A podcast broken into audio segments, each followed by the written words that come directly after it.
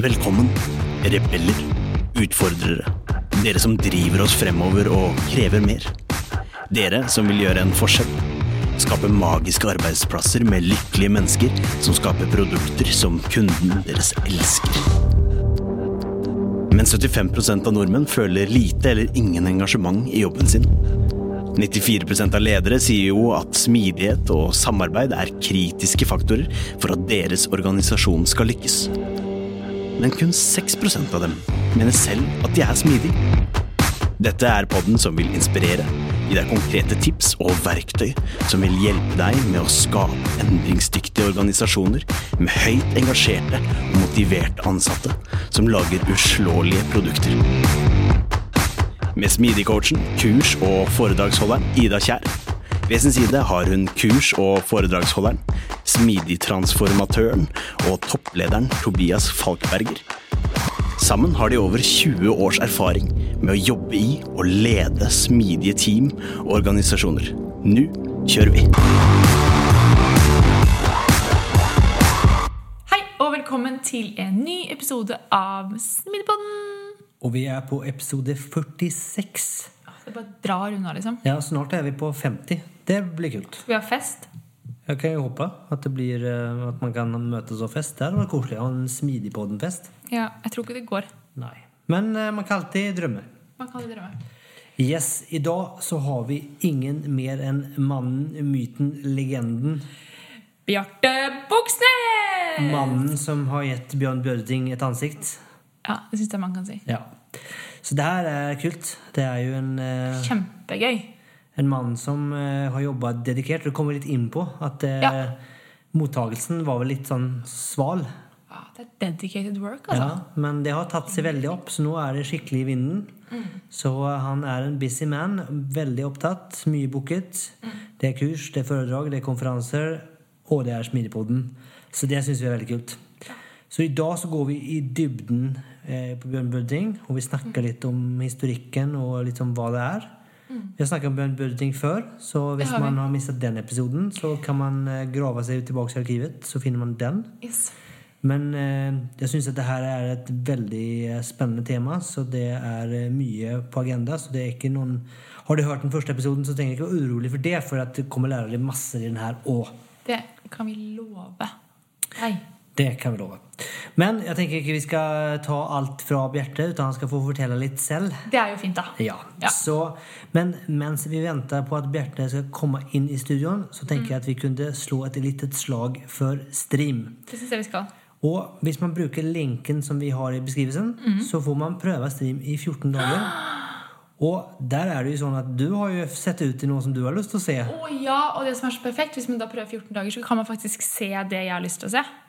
Fordi ehm, det jeg har skikkelig lyst til å se nå, det er Zack Snyders ehm, versjon av Justice League. Eh, det er litt nerd, ja, men jeg syns sånne filmer er supergøy. Og vi så den eh, Justice League-filmen når den kom ut. Jeg var ikke sånn eh, veldig imponert. Men denne nye versjonen skal visst være dødsbra.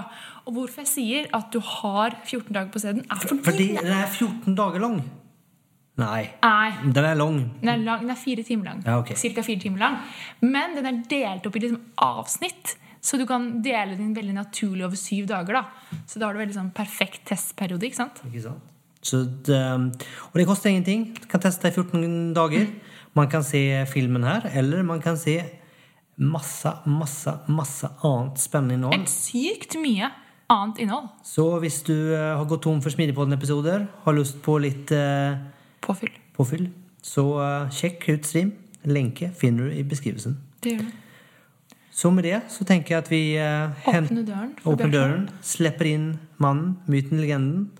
Her kommer Bjarte. Velkommen til oss, eh, Bjarte. Takk for det.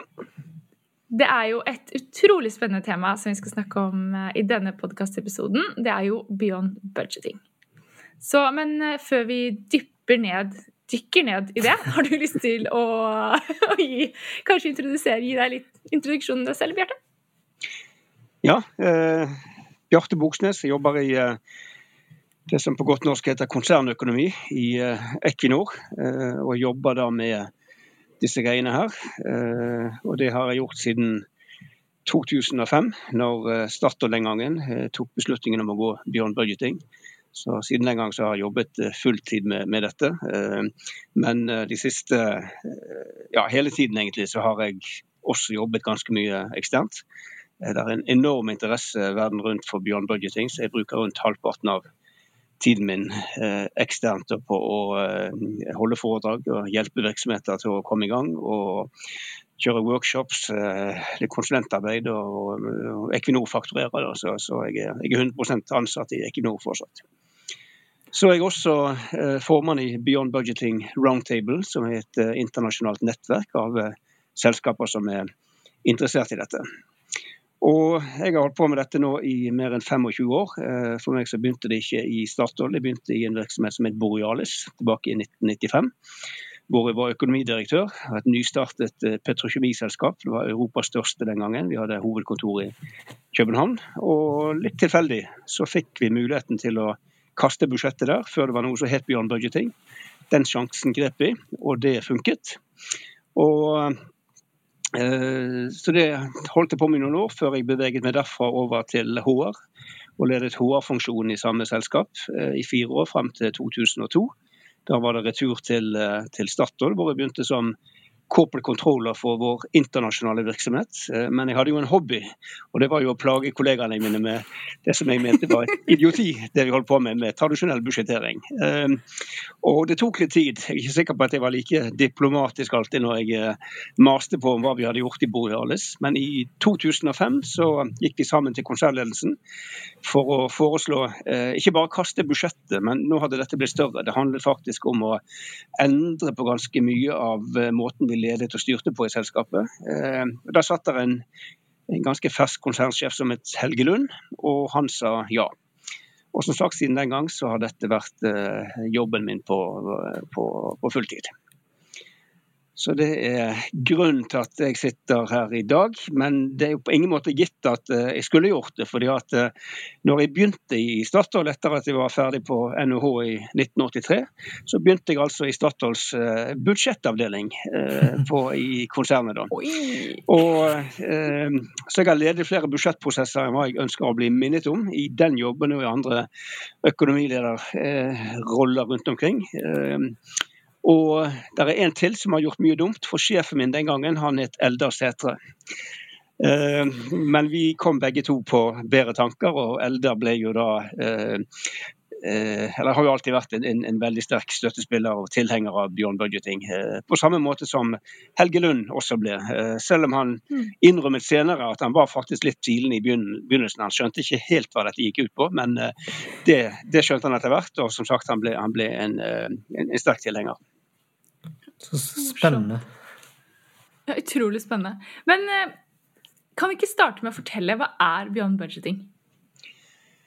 Ja, det er det faktisk mange som spør om, eh, med god grunn. For eh, Beyond Budgeting er egentlig et litt misvisende navn. Hensikten med Beyond Budgeting er faktisk ikke nødvendigvis å kaste budsjettene. Hensikten er å skape virksomheter som er mer dynamiske, mer smidige, mer fleksible og mer menneskelige. Og For å få til det, så må vi gjøre noe radikalt med tradisjonell styring. Og i kjernen av tradisjonell styring så finner du ikke bare budsjettprosessen, men også like mye budsjettmindsettet. Eh, som, som, mm. eh, som, egentlig bygger, bygger på to, eh, to, ting, to forutsetninger. Det ene er eh, at eh, verden er forutsigbar og planbar, og at du ikke kan stole på folk. Og Begge de to forutsetningene tar vi et kraftig oppgjør med i, uh, i Beyond Budgeting, for det mener vi er feil. Mm. Så, så, det der navnet kommer fra. At du må eh, på en sånn endringsreise så må du også endre på budsjettprosessen og mindsettet bak. For det sitter liksom der som en sånn eh, stoppekloss for all annen endring. Mm. Og det er, jo, det er, jo, noe vi typisk ser på alle de virksomhetene som er på agile transformation journeys i dag i en eller annen form. Der det, er jo, det vrimler av de. Men de oppdager alle på et eller annet tidspunkt at hvis ikke de også adresserer det som vi snakker om her, så vil de aldri mm. lykkes. Mm. Så vi blir veldig ofte kalt inn i disse dager, eh, noen ganger ganske seint, men, men, den erkjennelsen kommer alltid. Det er komplett umulig å, å få til eh, en agile transformation uten å inkludere eh, det vi snakker om i, i Beyond Budgeting. Fullstendig umulig. Jeg kjenner meg veldig igjen i det i Riks-TV, og det har vært for oss ble det litt sånn nesten eller ikke si forløsende, kanskje, men, men det har liksom i alle fall vært en veldig viktig del av det. Og det var der det liksom virkelig begynte å skje ting, også med mindsettet på mange. da, At man liksom at det er ikke eh, mine mål og mine penger, men det er våre penger og våre mål. Og vi må og hele tiden må håndtere den endringen som kommer, da, og ikke bare sitte og se på hva vi har sagt at vi skal bruke pengene på. Da. Ja, og Riks-TV er jo et spennende case. Eh, vårt neste Beyond Budgeting Norge-møte. Der skal vi faktisk ha besøk av Riks-TV og Helena Müller for å snakke om, om eh, det caset. Og jeg, eh, jeg, husker jeg var jo på besøk hos dere en gang mm. for en del år siden sammen med Tom Georg Olsen, som er en veldig klok mann. Tom Georg Olsen kommer jo på, til Smilepodden her om litt òg. Oh ja, så flott. Og, ja. og Helena Müller for Riks-TV har jo også vært i podden mm. tidligere. Så det fins ja. både episoder i arkivet man kan gå tilbake og, og høre på, og glede seg til fremtidige episoder. Ja, veldig bra.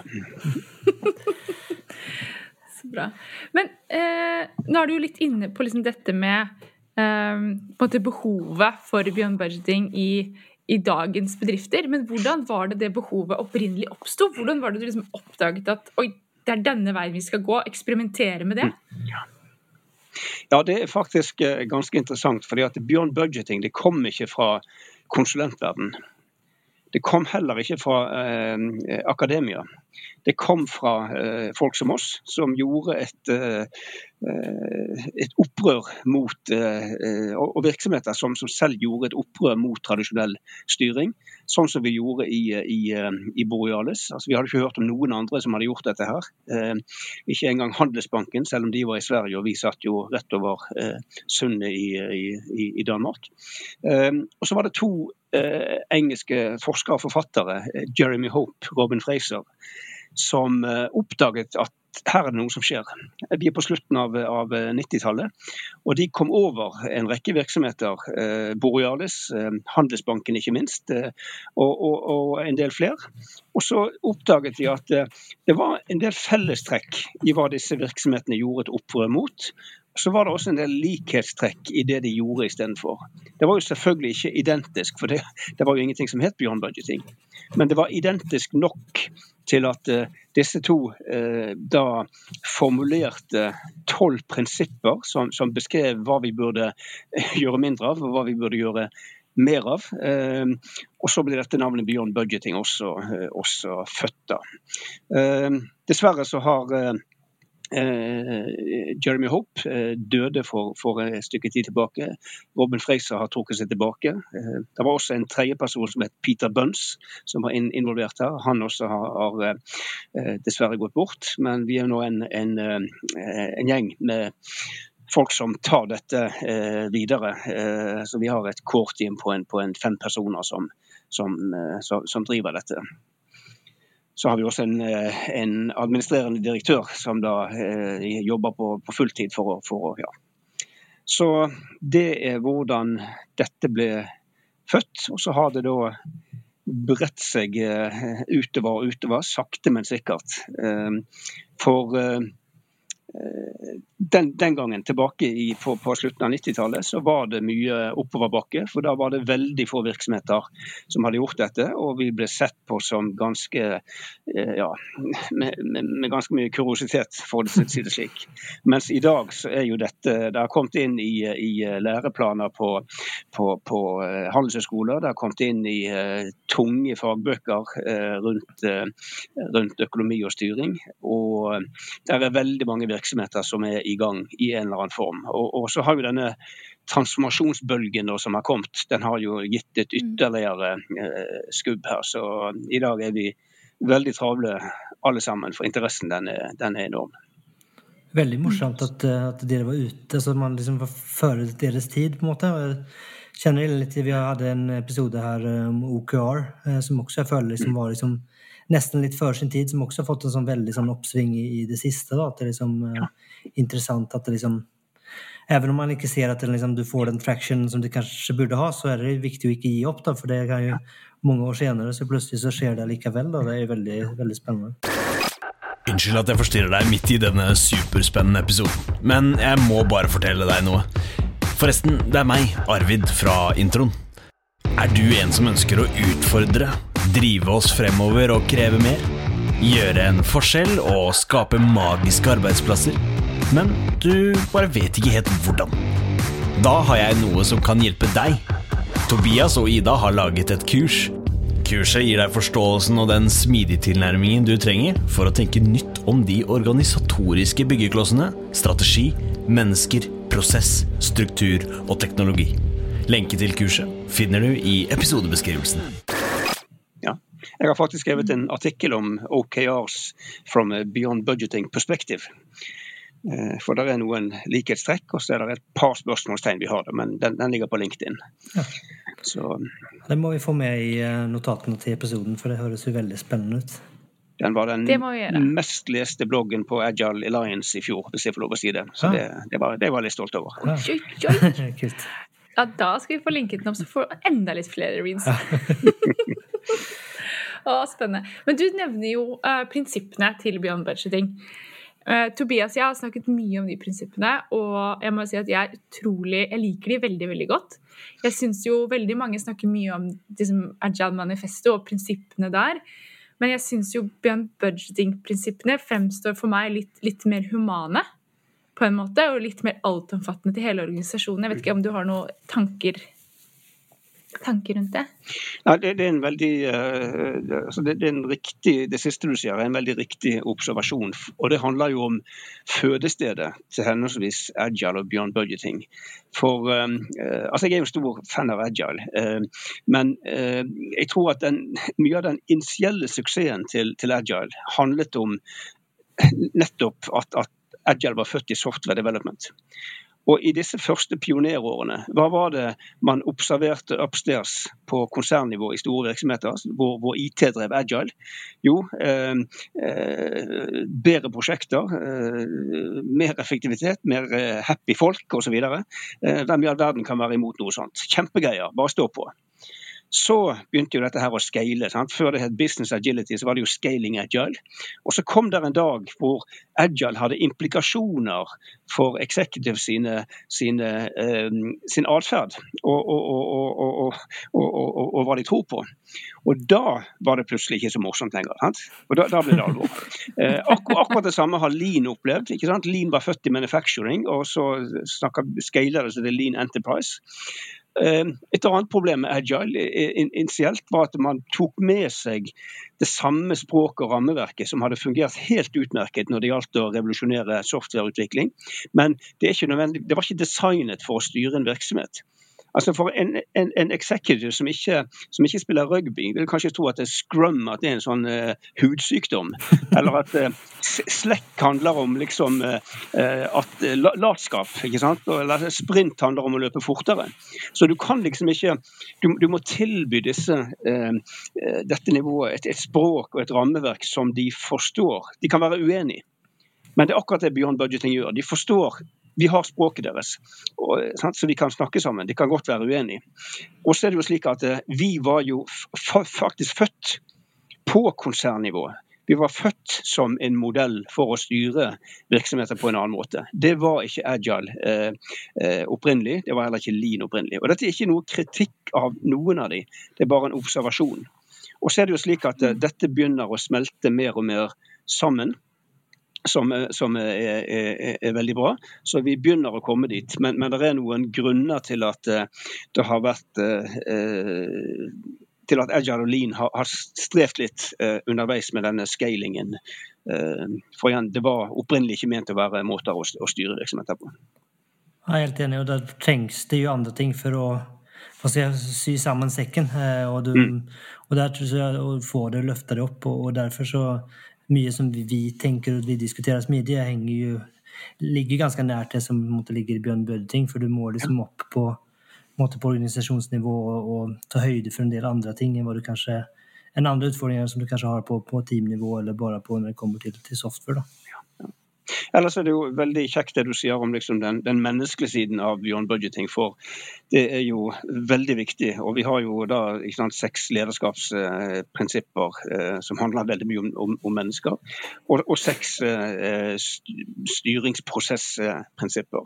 Når, når det gjelder de seks prinsippene, så, så eh, er det, jeg er enig det er veldig mye bra der. Men på den annen side så eh, er det sånn sett ikke unikt. Altså Det finnes jo andre bevegelser og modeller der ute som også sier mye positivt og riktig om mennesker.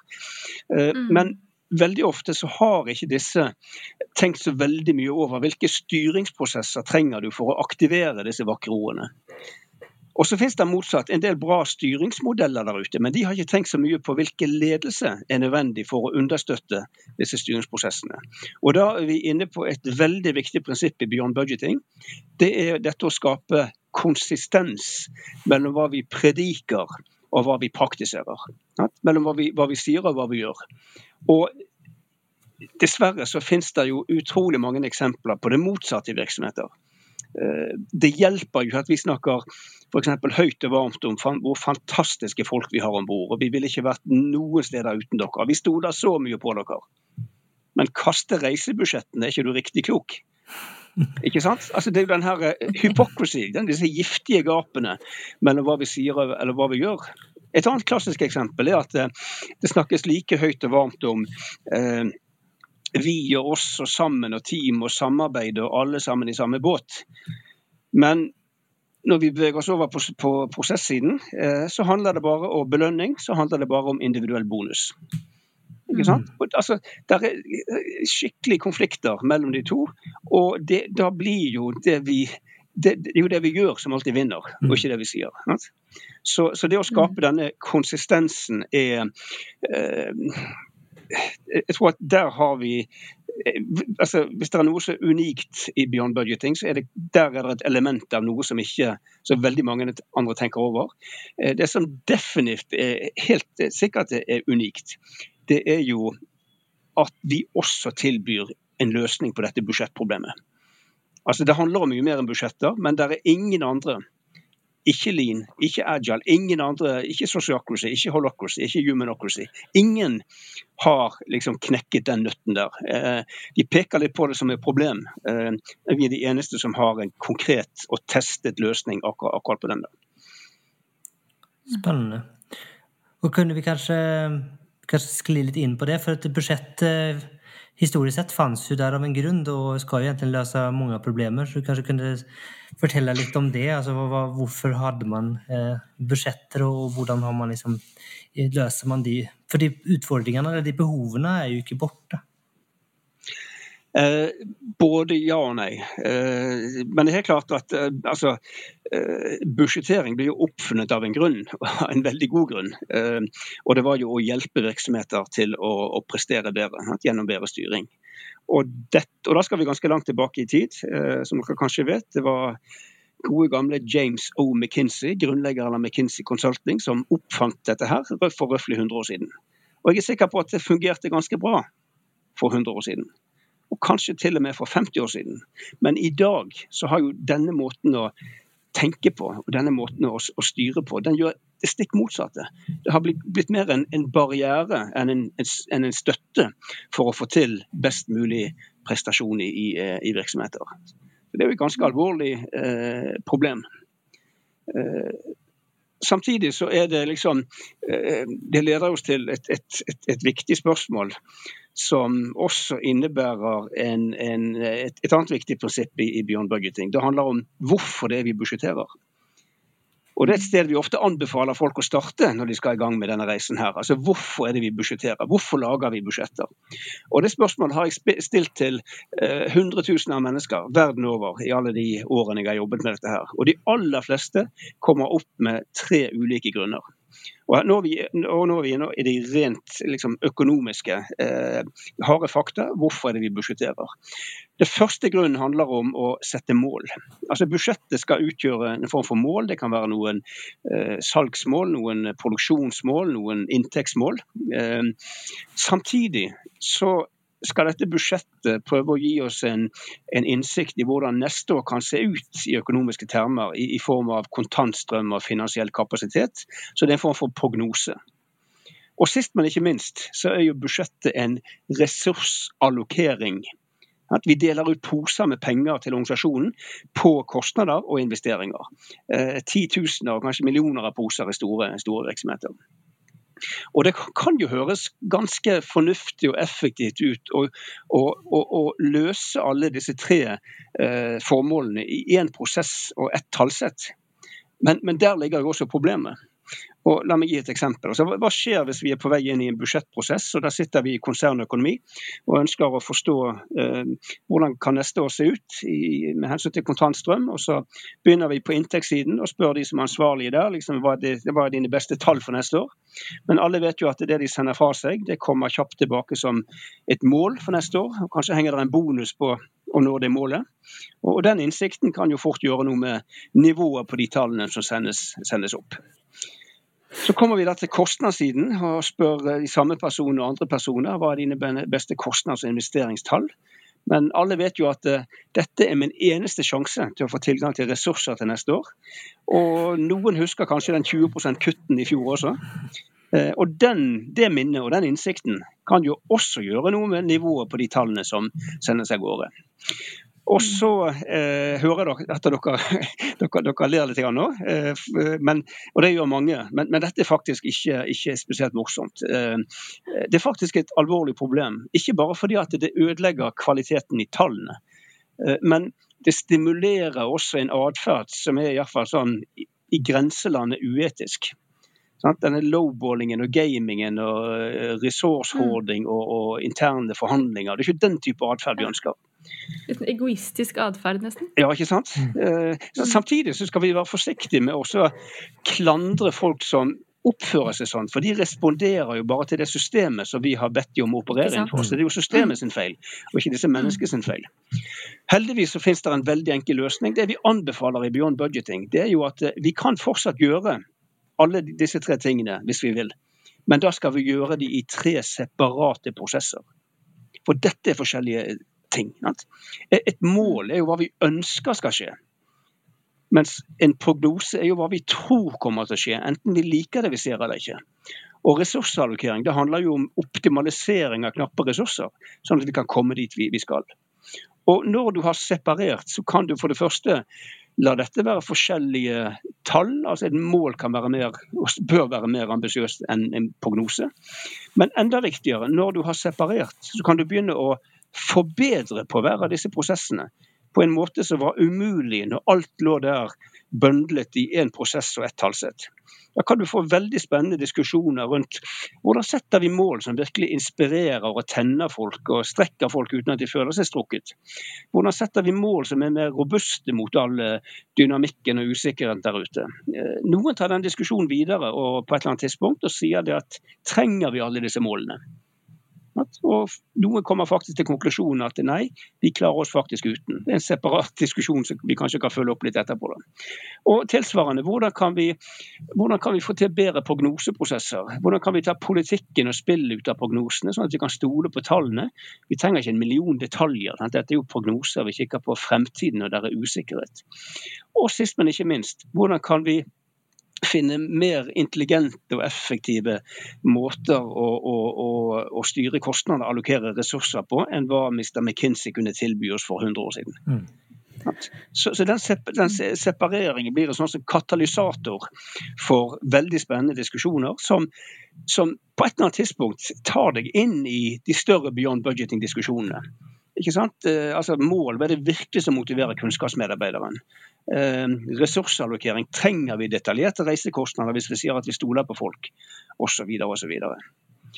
Og så er det også eh, en annen fordel her med denne måten å starte på. Det er at til alle de som sier at det er umulig å, operere med et tradisjonelt budsjett, så er vår respons at ja, men her gjør vi jo fortsatt de tre tingene som budsjettet prøvde å gjøre for oss. Men fordi at vi har separert, så kan vi gjøre hver av disse greiene på en bedre måte. Altså, hvor, hvor, hvor, skremmende og farlig er det?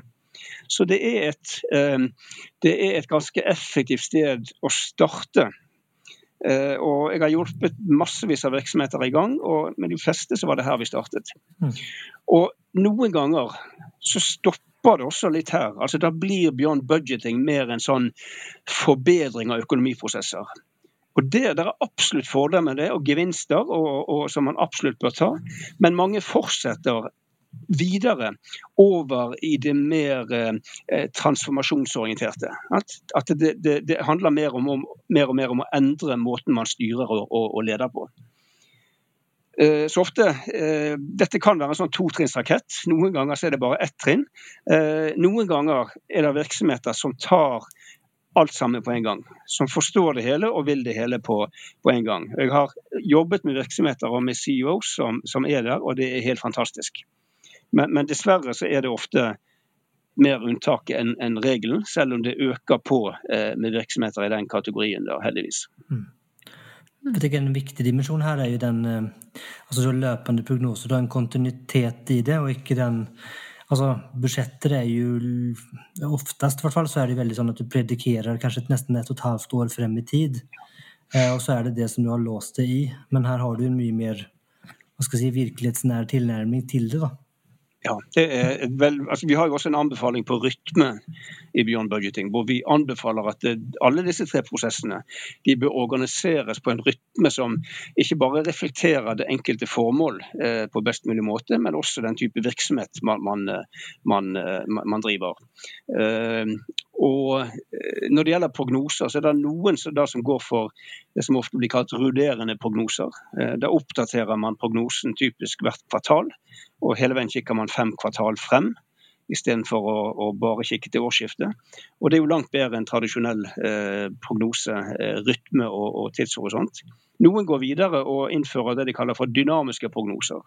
Da er det ingen eh, forhåndsdefinert frekvens, ingen forhåndsdefinert tidshorisont. Da oppdaterer rett og slett enhetene i virksomheten sine prognoser når, de, når det skjer noe i deres omgivelser og virksomhet som, som, de selv mener rettferdiggjør en prognoseoppdatering. Og Det skal de fortrinnsvis ikke gjøre for oss på konsernnivå. De skal gjøre det for seg selv for å styre sin egen virksomhet. Men i, i Equinor, da, hvor vi har valgt den modellen, så går dette inn i en felles eh, database. Vi har en global SAP-løsning. Slik at på konsernnivå så kan vi tappe inn i siste versjon av disse prognosene når som helst, når vi har et behov. Foran en, et større oppkjøp eller foran en kommunikasjon med kapitalmarkedene osv. Så, videre, og så, så det er ikke noe rett eller galt her. Eh, eh, rullerende prognoser, eh, dynamiske prognoser. Og dette er et godt eksempel på at det, det finnes mange måter å anvende disse prinsippene på. Det er en grunn til at vi har kalt det prinsipper, for de skal gi inspirasjon og guiding. men dette her er på ingen måte en oppskrift. Altså igjen, hva, hva, beyond budgeting skal bety i en virksomhet, det, det, det, det, avhenger veldig mye av den type, altså virksomhetens uh, igjen, ja, type aktivitet, kultur, historie. Så vi har veldig mange ulike typer implementeringer, og sånn skal det være. Jeg, liker ikke disse her management recipes, og det fins en del av dem. Mm. For uh, det eneste du da behøver å gjøre, det er jo også kjøpe bøkene og lese de, uh, leie inn konsulentene og tick the boxes. Og det syns jeg er både kjedelig og farlig. Så skal du i gang med beyond budgeting, må du faktisk tenke selv. Hva, hva skal dette bety for oss? Det er veldig spennende at du sier det, for det er jo vår, vår si, holdning til smidig òg. Ja. Eh, men det er klart det er jo veldig vanskelig å selge. Eh, og um, du vil jo, Det er derfor jeg tror liksom, mennesket ønsker med å få liksom, kanskje litt kjappe resultater og liksom, eh, en plan, en fremdrift og sånne ting, så dykker det veldig mye opp både rammeverk og andre som, skal, liksom, som løser det behovet som finnes der. Da. Ja. Men jeg tror, som du sier, at det må liksom tilpasses den organisasjonen det skal inn i. Og det må, det må også være en, en reise, da. Ja. Men det husker jeg at vi pratet om etter du hadde vært hos oss òg, at liksom, vi ville gjerne ha noe svar på hva vi skulle bare, hva skal, hva skal vi gjøre? Mm. Eh, men, er, men, sånn i ettertid så er det nesten litt, eh, nesten litt morsomt at vi, at vi spurte det. For jeg husker at du, du, svarte, jeg husker ikke akkurat hva du svarte, men det var vel noe i stil med at eh, at det, liksom det, det finnes ikke en, en, oppskrift, det er ikke en oppskrift, utan det må du ut på, på reisen. og det var, Vi ante vel ikke da kanskje hvor, hvor rett du hadde. Ja. Og det er klart at Noen, noen finner det frustrerende, for de vil, ha, de vil, ha, oppskriften, de vil ha svaret. Uh, Og så er det også slik at altså, vi, vi, gjør jo ikke dette fordi at beyond budgeting liksom er enklere enn tradisjonell budsjettering f.eks. Altså, veldig mye av tradisjonell styring er veldig enkelt for alle involverte. Uh, og uh, for, for, for, ledere som ikke liker å ta beslutninger, så er jo et detaljert budsjett helt fantastisk. Jo mer detaljert det er, jo færre beslutninger trenger du å ta for at noen har tatt dem for deg om hva du skal gjøre, hva du skal bruke. Og hvis noen av dette her er upopulære beslutninger, så har du også noen å skylde på. Så, så, um, det er klart at uh, Går du i gang her, så, så krever det mer ledelse. Og det skiller det har jeg sett mange ganger, det skiller liksom Clinton fra hveten når det gjelder ledere. Uh, og, og uh, hvor, hvor, ja, hvor, stort det ledergenet virkelig er. Mm. Mm. Det er morsomt du sier det. Vi har sagt det samme selv, at vi gjør ikke det for at det er, for det er lett. Vi gjør det for at vi har tro på at det er riktig. Mm, riktig. Ja. Veldig bra. Men dette her eh, trekker oss litt inn på liksom, den overgangen fra det man kanskje kaller litt mer tradisjonell styring da, til beyond budgeting. Hva er det som er viktig å tenke på i en sånn setting? Um, du var jo litt inne på det nå med ledelse. Mm. Altså, enhver endring trenger jo et, et, case for change. Altså, det må jo være en, eh, det må være en felles og tilstrekkelig tung enighet om at det er noen problemer man trenger å løse. Og der har jeg sett at det glipper av og til. At man er eh, Noen har kanskje hørt om beyond budgeting, blir litt fascinert og løper tilbake og sier at dette må vi gjøre, for dette her er, er, er bra, og dette gjør konkurrentene. Eh, uten at man har tatt den eh, kalibreringen på, på, på hjemmebane om hvilke problemer er det vi har, og, og hva, er vi prøver, hva, er det vi prøver, å løse her. Jo bedre jobb man gjør der, jo enklere er alt etterpå. Spesielt alle de gangene hvor man er i tvil om skal vi gjøre det eller det. Da kan man gå tilbake til det case for change og se på de problemene man ønsket å løse, og hvilken av disse alternativene vil, vil best bidra til å løse det.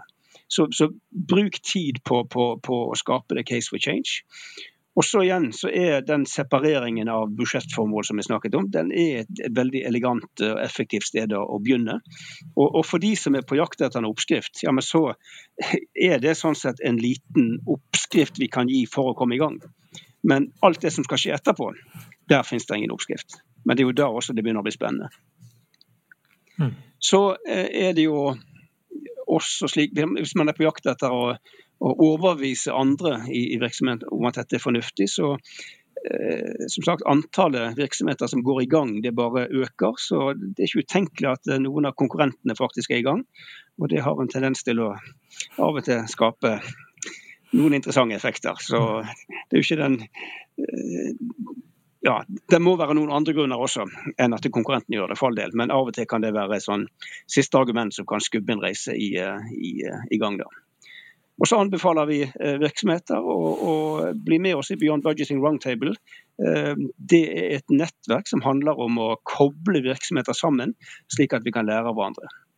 Så vi har eh, før pandemien da, så hadde vi jo eh, store europeiske møter eh, hver sjette måned, typisk i London.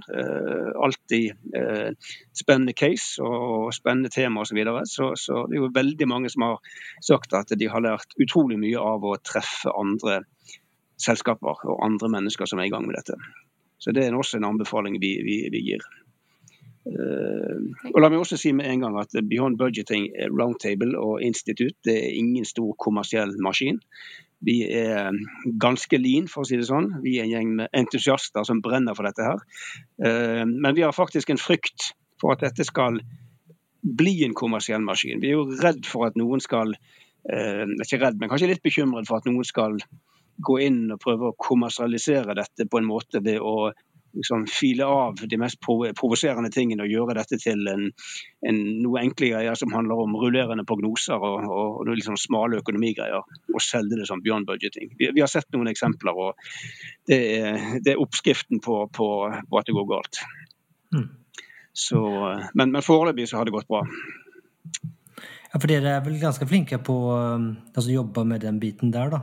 Opplever altså liksom å holde det hva skal jeg si, intakt, og, og at eh, du opplever kanskje at uh, smidig blir mer misbrukt uh, kanskje enn en Radial og enn en, en Bjørn Budsing. I hvert fall som jeg opplever det. Ja, det, er godt at du sier det. men, eh, men, jo, altså, vet du hva, jeg er enig, og det er egentlig litt, litt trist. Um, og, og uh, vi har jo tatt en, et bevisst valg om ikke gå for noen form for sertifisering. Og Vi er veldig klar over at da er det en ganske pen kontantstrøm som vi eh, gir slipp på. Men hvor i all verden skal vi kunne skrive under på etter en eh, tredagers kurs eller hva, hva søren det skulle være for noe, at nå har liksom du forstått beyond budgeting. Så vi, vi, driver gjerne kurs og driver masse undervisning og, og vil gjerne hjelpe, men, men eh, sertifiseringen den, den eh, eh og jeg må jo si at når, når Jeg eh, registrerer at det er en diskusjon rundt safe i det eh, agile miljøet. Eh, og når noen forteller meg at du må resertifiseres hvert år innenfor safe, da, ja, da syns jeg det lukter. Da syns jeg det lukter. Ja, det er penger. Det er ikke den eneste som syns det, Bjarte. Ja. godt å høre. Ja, det, noen skal i hvert fall ha for å hva skal jeg si, finne opp forretningsideer, da, la oss si. Eh, måter å tjene penger, da. Mm. Yes. Jeg tror vi skal bevege oss mot de siste spørsmålene. Det syns jeg høres veldig bra ut i det. Ja. Um, skal vi se Vi har det første spørsmålet vårt, Bjarte. Det er hva ville du fortalt 20 år gamle deg selv? Ja, hva i all verden ville det vært? Um, altså, når jeg kikker meg tilbake igjen, da, så er, eh, så er det et sitat som jeg syns eh, passer ganske bra. Og det er fra Douglas Adams, og det går eh, som følger noe av dette. I might not have gone where I intended to go, but I think I ended up where I needed to be. Uh, igjen fordi at det er uh, Altså min reise har vært preget av, av eh, noen åpninger, eh, noen ganger gjennom noen tilfeldigheter. Og eh, da har jeg grepet sjansen, for å si det sånn. Så hvis det kan være et råd, eh, grip sjansen når det oppstår muligheter til å være med på noe spennende. Selv om det kan høres litt farlig ut og litt diffust ut og osv. Eh, tenk på altså, hva er egentlig det verste som kan gå galt. Eh, og ja, så grip sjansen. Eh, men det var kanskje det jeg gjorde, så jeg vet ikke om det var et, et råd. Men eh, jeg tok en annen viktig beslutning også i min, eh, min tidligere, eller min, tidlig min karriere. For min opprinnelige karriereplan det var faktisk det militære. Eh, etter gymnaset tok jeg befalsskole, og hadde faktisk en, eh, en, idé om å ta krigsskolen. Eh, men etter ett år på befalsskole og ett år i praksis som sersjant, så hadde jeg fått en overdose av command and control, både som mottakende og utøvende. Så da ble det Handelshøyskolen istedenfor. Men så, det, kun, det kan, kan, man kanskje tenke seg at det var noe som var viktig da, for veien videre? da? At du kanskje ikke hadde endet opp her hvis du ikke hadde hatt den erfaringen? Nei, det, det, har jeg faktisk tenkt på selv. At det var Det var, eh, det var én ting de var gode på, det skal de ha. Mm. De var flinke til å lære oss å undervise. Mm. Det, det, skal de ha, for det var jo en del av jobben. Så. For det, for det tenker jeg ofte når jeg rekrutterer, så vil jeg gjerne ha folk som har eh, hatt, eh, både jobbat i bra og dårlige organisasjoner, eh, bra og dårlige team og bra, hatt bra og dårlige ledere. Ja. For det er liksom at den erfaringen du kan ikke, Har du bare hatt bra ting, så, så du trenger å ha, liksom, oppleve de dårlige tingene òg for å ha litt perspektiv og blitt en erfaring eller to rikere. Da. Absolutt. Nei, den, den, det støtter jeg fullt ut. Hva tenker du kjennetegner en god leder, da? Det er jo et svært spørsmål. Uh, Eh, jeg har lyst til å komprimere det ned i et ganske enkelt svar som jeg syns har eh, likevel noe for seg. Eh, og det er alle de gangene du er i tvil om hvordan du skal lede, tenk på hvordan ønsker du å bli ledet selv. Altså Det ligger mye god læring i, i, i det. Og så skal man også huske på at det å være leder det er jo, det er jo en, egentlig en fulltidsjobb. Og Problemet er jo at de aller fleste som er ledere, de har jo veldig tunge fagjobber i, i tillegg. Og så har de konflikt mellom disse to. Og jeg har vært leder i, i, i, i mange år, men eh, siden jeg forlot HR i Borealis, så har jeg faktisk ikke jobbet som leder, kun som fagperson. Og jeg savner lederjobben, men, men eh, jeg må si at det er fordelen med å gå ut av den lederrollen er jo at du, du kan jobbe fag 100% som jeg nå har vært, vært, i stand til å gjøre. Men jeg er utrolig glad for at jeg har den, den erfaringen. Mm. Det er spennende. Jeg sier ofte at når du, blir, når du, blir, leder, så har du faktisk byttet fag. Men det er ja. kanskje de færreste som har tatt inn over seg at det plutselig er bytta fag og kanskje må lære seg et nytt fag. Eh, det er ikke alle som eh, helt har tatt med seg. Nei. Enig.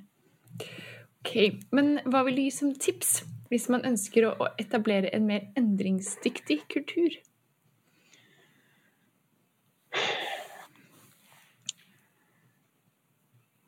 Ja, eh, altså hvis man, hvis man ønsker å eh, være med og skape endring i en virksomhet, så se deg om etter eh, partnere. Se deg om etter andre som er interessert som kan være med på, på, på reisen. Og Kikk gjerne over i andre funksjoner og, og, og andre deler av, av virksomheten. For det er jo, dette er jo, endring er jo noe som veldig få kan skape på egen hånd, eh, inkludert CEOs.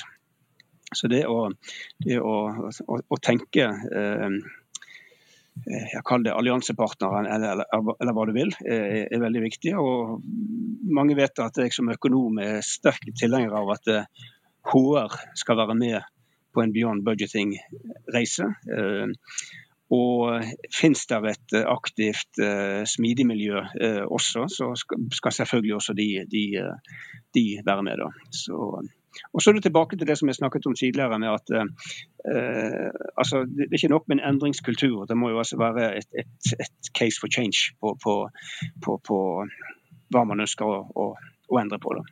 Og så er jo det, det, det, fine med endring det er jo at uh, man blir jo modigere underveis.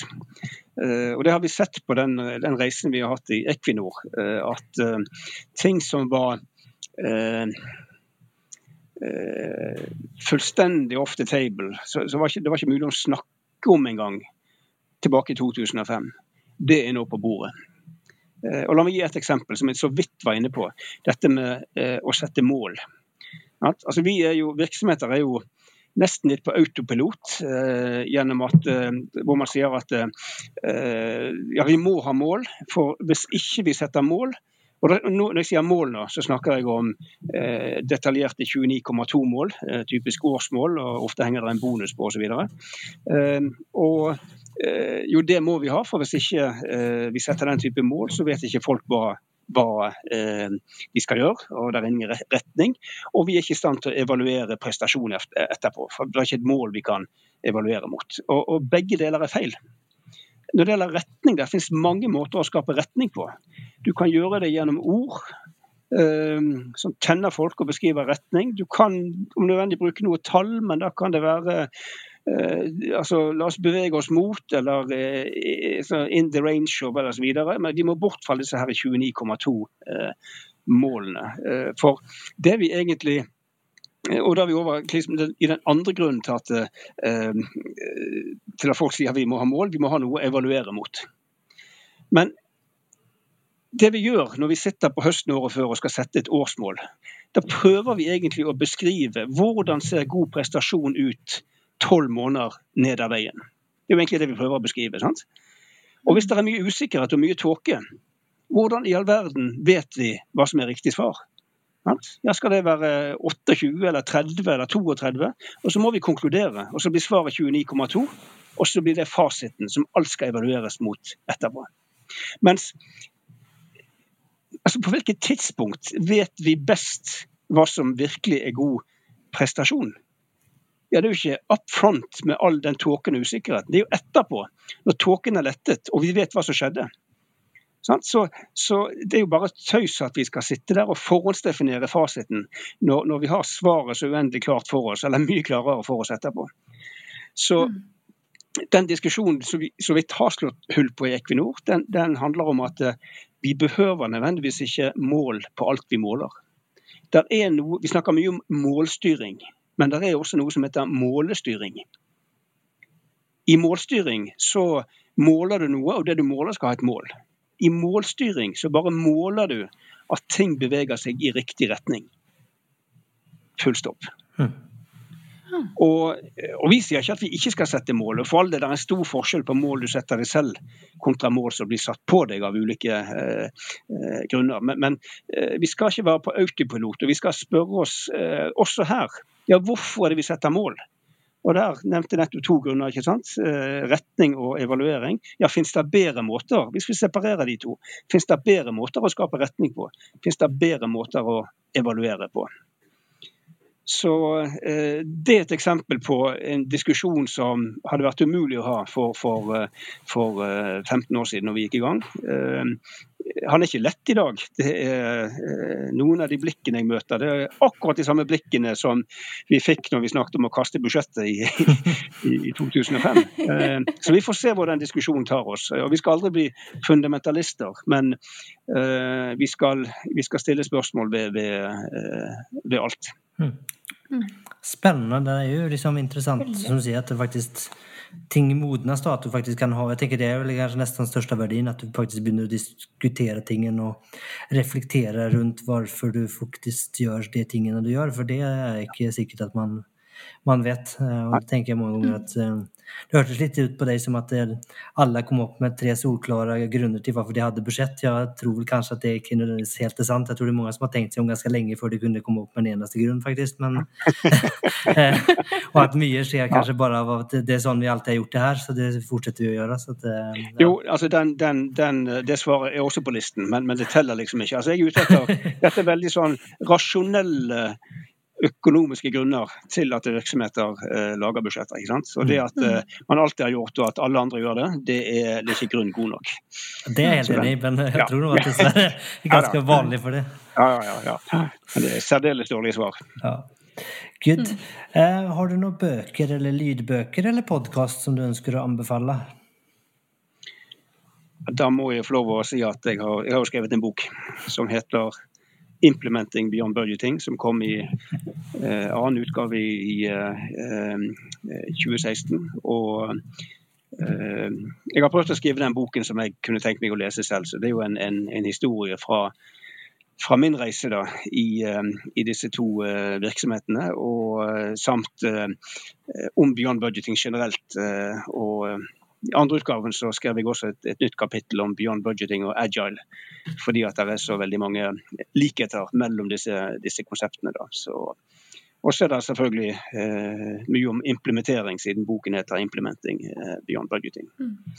Ellers så skriver jeg eh, en god del artikler eh, som, som, ligger på, på, De fleste ligger vel på, på LinkedIn-kontoen min. da. Eh, hvis jeg kan få lov, så har jeg eh, anbefalt én, så har jeg nettopp skrevet en artikkel som heter 'Agile Transformation and the Elephant in the Room'. Mm. Og elefanten det er jo selvfølgelig eh, budsjettet. da, Tilbake til dette vi snakket om, eh, hva som står i veien for, for, for agile transformations. Og I den artikkelen slutter jeg med at jeg liker egentlig ikke begrepet 'transformation'. Jeg er veldig kritisk til ord. Jeg er, jeg er, sensitiv når det gjelder ord, men grunnen til at jeg strever med det begrepet, det er det høres ut som et prosjekt. Ja vel, hva kommer etterpå, da? Mm. Altså, dette er jo en reise hvor eh, retningen er kanskje tydeligere enn sluttdestinasjonen, i den grad det finnes en sluttdestinasjon. Så, så mm. jeg skjønner hva som menes, men, men eh, det, ja. Jeg er helt enig. for Hvis du slutter med kontinuerlig forbedring, slutter med kontinuerlig mm. læring, så er du per definisjon ikke smidig lenger. Så den, ja, så den, dagen du er, måte, er ferdig, så er jeg vel også ferdig, på en måte. Da, da er du ferdig, ja. ja. så, da er du veldig ferdig. Ja. Ja, men Kjempebra. Vi skal prøve å grave fram disse artiklene her og få lenka til. Det var mye, mye spennende lesestoff her. Det skal vi gjøre. Og så helt til sist, hvordan kom man i kontakt med deg? Ja, jeg eh, nås på min kjære eh, Equinor mailadresse bjbo at equinor.com. Eh, mm. Men jeg nås også på LinkedIn og Twitter.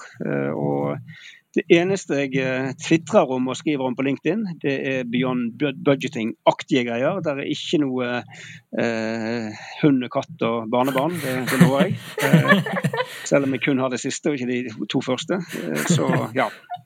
Eh, så det er veldig hyggelig om folk tar, tar, eh, tar, tar kontakter. Det setter jeg stor, stor pris på. Så, Strålende. Ja. Da skal vi linke opp til det. Det gjør vi. Kjempebra. Da er vi ved, ved veis ende, er det ikke det det så fint heter? Ja. Tusen takk, Kan jeg få lov å si én ting til før vi ja, slutter? Fyr løs! Ja, flott. Um, altså det, det, som vi har snakket om i dag, uh, det, det, er noe som kommer til å skje. Om det, om det blir hetende beyond budgeting eller business agility eller humanocracy eller sociocracy, I, I couldn't care less. Men det kommer til å skje i en eller annen form. Og jeg er helt sikker på at når vi om 15-20 år sitter der og mimrer litt og tenker tilbake på hva som var mainstream management i 2021, så kommer vi til å smile litt, og kanskje le litt. Akkurat som vi i dag smiler og ler litt om tiden før internett. Eller smarttelefonen.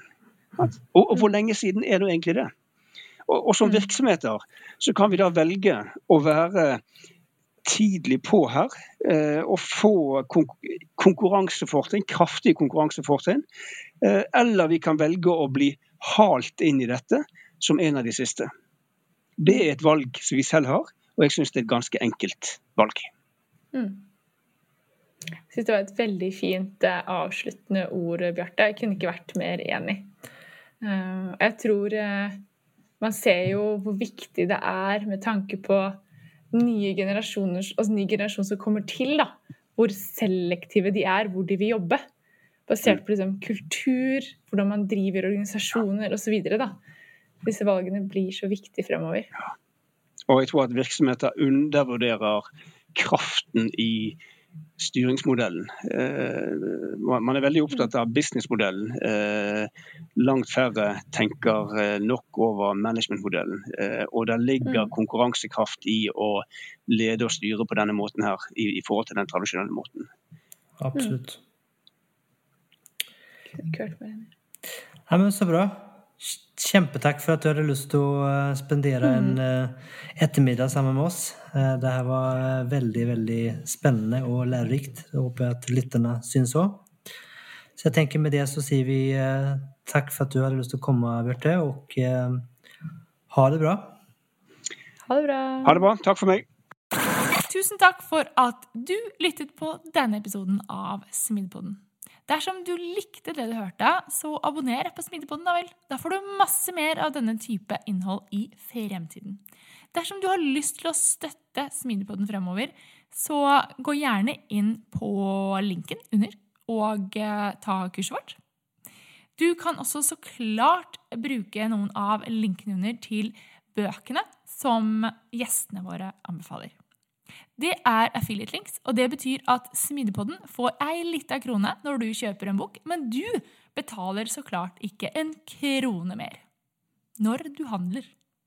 Så med det så ønsker jeg deg en fortsatt fantastisk dag eller kveld, hvor enn det er du befinner deg i denne store, vide, vakre verden. Ha det bra!